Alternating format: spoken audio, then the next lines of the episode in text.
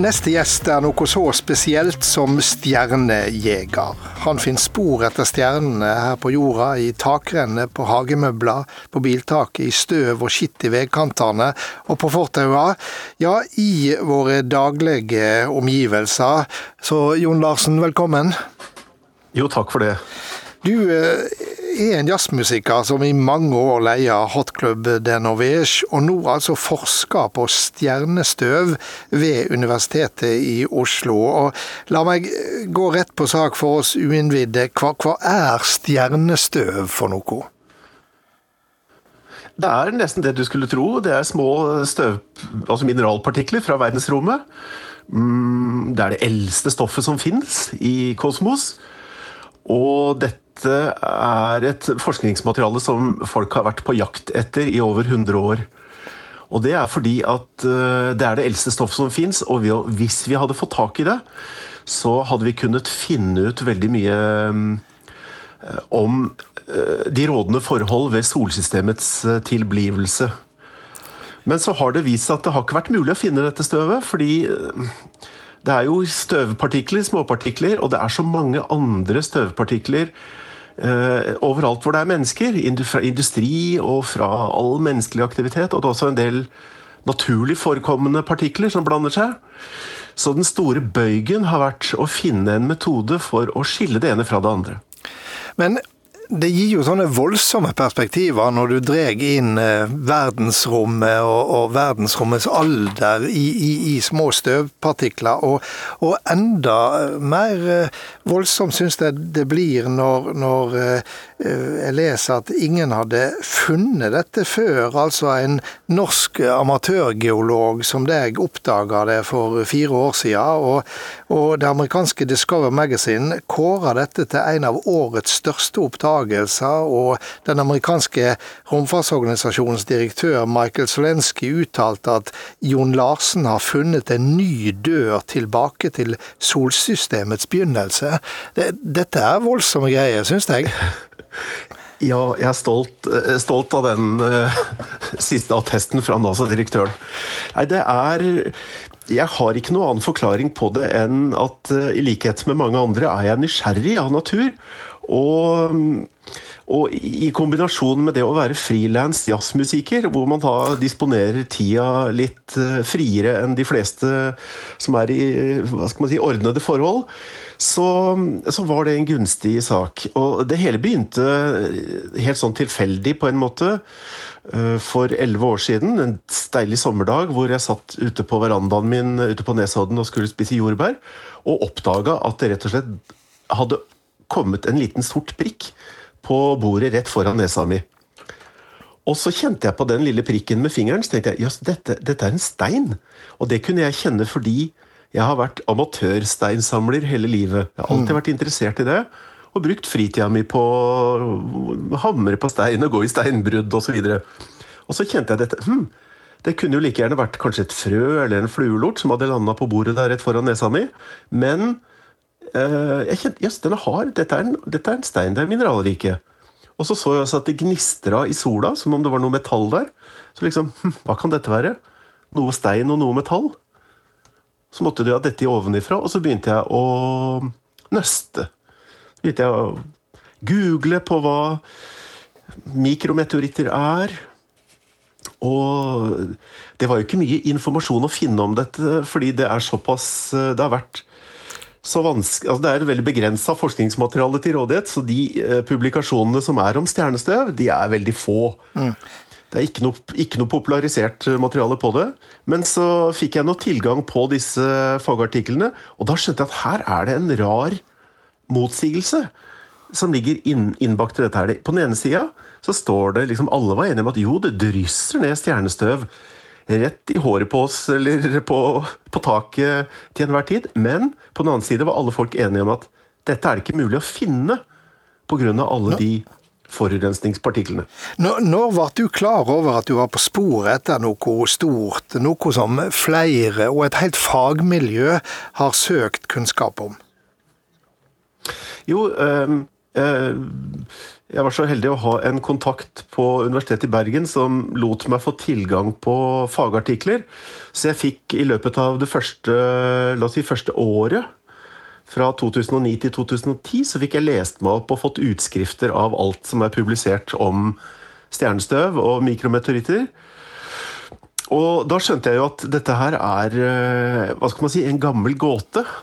Dette har vært sånn, et problem som mange har prøvd seg på opp gjennom eh, det siste århundret.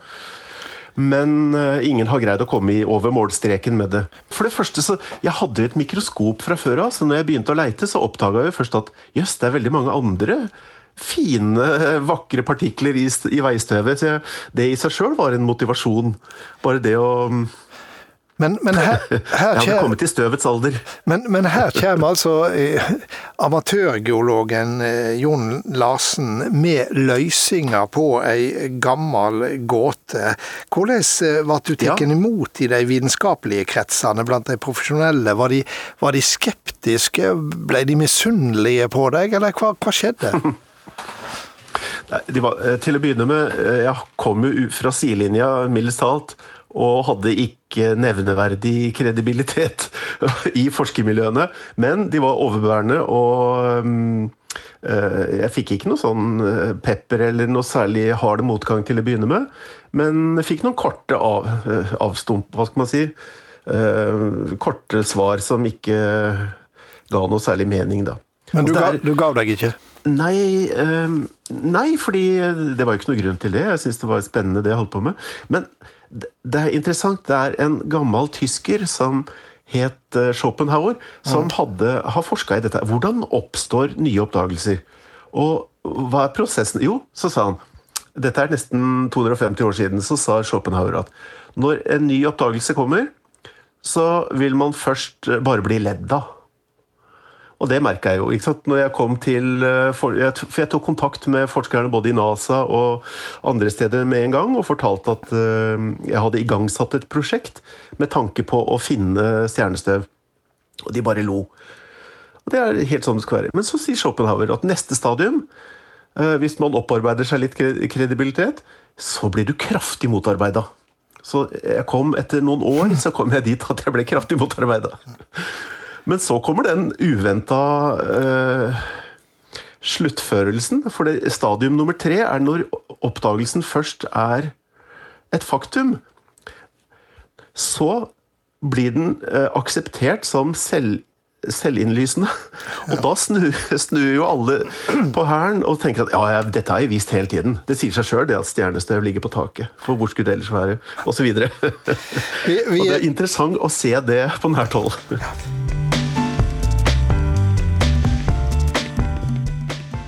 Ja, Jon Larsen, du er fremdeles eh, med oss. Og eh, vi har snakka om ja. denne oppdagelsen din av stjernestøv. Eh, hva nytte har en av en sånn oppdagelse? Ja, sånn Umiddelbart er det ingen nytte. Dette er eh, glede bare ved å altså Det er jo på en måte å være på en naturopplevelse, det å oppdage eh, et nytt fenomen i naturen. Men det har, i tillegg til at dette er noe som alle kan være med på, for selv barn kan finne fram en magnet og en T-sil og finne stjernestøv, men samtidig så har det forskningssiden ved seg. Og det viser seg at dette stjernestøvet, eller de eldste mikrometeorittene, de inneholder uh, noen veldig rare substanser. Kjemiske karbonforbindelser, veldig komplekse. Og så inneholder de vann. Og hvis man tenker, altså De inneholder Eh, karbonforbindelser som aminosyrer, eh, sukker, til og med alkohol. Og hvis man blander aminosyrer og vann, da mm. har du en veldig potent cocktail til eh, Altså det er byggesteinene for liv. Mm. Og så er det jo ingen som vet verken hvordan vannet har kommet til jorda, og det er heller ingen som vet hvordan livet har oppstått. Men eh, jeg har nå en følelse som jeg skal forske videre på, at eh, noe av forklaringen kan være at f.eks. at vannet Tenk på verdenshavene. Veldig mye vann på jorda. Det kan ha kommet under radaren med stjernestøvet. Eh, og jeg tror også altså Dette er jo tro, det skal man jo ikke gjøre som forsker, men eh, jeg har lyst til å forske videre på om disse karbonforbindelsene kan ha i seg, være noe av løsningen på hvordan livet har oppstått på jorda. Og da nærmer du deg virkelig de store gåtene? Ja, og det er jo et uh, interessant altså Litt sånn småironisk at kanskje universets minste partikler inneholder løsningene på noen av de største spørsmålene. Så dette, dette er det du forsker og, og, eh, skriver om nå? Ja. Jeg fått, eh, fikk, var så heldig og ble tatt inn i Follen ved Universitetet i Oslo for tre år siden. Så jeg har en forskerstilling der. Og det bruker jeg nå eh, døgnet rundt sju dager i uka på å jobbe videre med. Så jeg, veldig, jeg føler meg veldig veldig heldig, fordi jeg syns jo dette er gøy. Men, men det, er vel ikke, og, det, er vel, det, er vel ikke, bare hell når, når eh, NASA-direktøren sier at du har funnet en dør tilbake til solsystemets begynnelse? Nei, altså det Det er et, det er et veldig sånn Hva skal man si? Det er litt av et utsagn. Og, men det han egentlig sier, er at vi vet ikke hva vi skal oppdage utenfor den døra. Nei. Men der, der, vær så god, her er det en ny dør. Og det, nå er jeg i ferd med å gå inn gjennom den døra, og så skal jeg se hva og, og, Det er mange andre som holder på med dette samtidig nå, da. Mm. For nå har det jo blitt uh, tilgjengelig for mange. Så nå har jeg gått gjennom den døra og skal se hva vi kan finne ut. Kanskje er det ingenting vi kan finne ut av det, men det vil vise seg etter hvert. Jon Larsen, når du, når du, er med eh, her i dette programmet, så, så, må jo vi som er glad i eh, musikk og glad i jazz, eh, minne deg på at, at, navnet ditt er jo minst like knytta til Hot Club de Norwich og Django Reinhardt som det er til Stjernestøv. For, for du kan virkelig se tilbake på ei, ei, ei, ei lang karriere med, med hans musikk. Ja da. Eh, jeg begynte tidlig å spille gitar, og for litt over 40 år siden så var vi tre barndomskamerater som starta Hot Club de på heltid, altså 1979. Så vi har vært eh, stort sett på veien fra og med utgivelsen av den plata vi nettopp hørte, 'Tanta til Beate'. Fordi vi var jo litt sånn, vi fikk ikke helt slippe til på jazzklubbene mm. til å begynne med. Vi spilte på Karl Johans gate og var gatemusikanter inntil singelplata til Lillebjørn med 'Tanta til Beate' kom ut. Og da, mm, da fikk vi et gjennombrudd. Dette var sommeren 1982. Så siden da har vi vært kontinuerlig på veien. Og dette er det som er kalt for sigøynerjazz, eller gypsy swing? Ja da, det er lov å si gøyner. Det er det, ja. Men hva var det ved Django Reiners musikk som traff deg da du møtte den som, som uh, svært ung? Nei, den bare traff. Altså, jeg var allerede um, opptatt av gitar og den klangen gitaren får, og så plutselig hørte jeg på radio Django Reinhardt og hørte den låt helt annerledes enn alt mulig annet av gitar. Og hvordan kan det ha seg, da? Så da måtte jeg begynne et forskningsprosjekt som er minst like grundig som de holdt på nå med Stjernestøvet, på å prøve å finne ut hva Diango-musikken var. Og det har jeg brukt 40 år på. Og mm, i løpet av de 40 årene så har det jo gått fra at vi var tre barndomskamerater som var gatemusikanter på Karl Johan, til at dette er blitt en sjanger eh, Ikke stor, men en, det er en sjanger som holder på med titusenvis av musikere over hele kloden. Og så er det vel noe med at eh, Django Reinhardt eh, brukte sine egne musikalske røtter istedenfor å kopiere amerikanske forbilder innenfor eh, jazzens verden. Ja, du, hvis du tenker tilbake til da Django eh, oppsto som musikalsk fenomen, da, eller han som artist, så var dette her jazzens bar barndom da de første jazzplatene med Louis Armstrong osv. kom til Europa. Og det var mange europeere som, som ville kopiere sine amerikanske forbilder. Men i det kunstnermiljøet i Paris så var det da en liten klikk med musikere som fant ut at nei, vi gjør det heller på vår måte og bruker våre røtter. De brukte litt sigøynermusikk. De brukte mye sånn såkalt klassisk kunst, eh, eller europeisk kunstmusikk. Med alt fra Edvard Grieg og til eh, Debussy og Ravel osv. Som de spilte jazz på istedenfor som amerikanerne å bruke blues som eh, bakteppe. Det, det, det, ble, det var en, en tidlig europeisk jazz, da.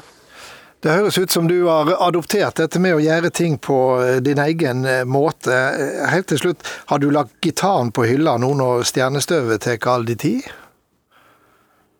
Dette er et pinlig spørsmål, og jeg må bare beklage at eh, ja, jeg har ikke tatt i gitaren etter siste spillejobb.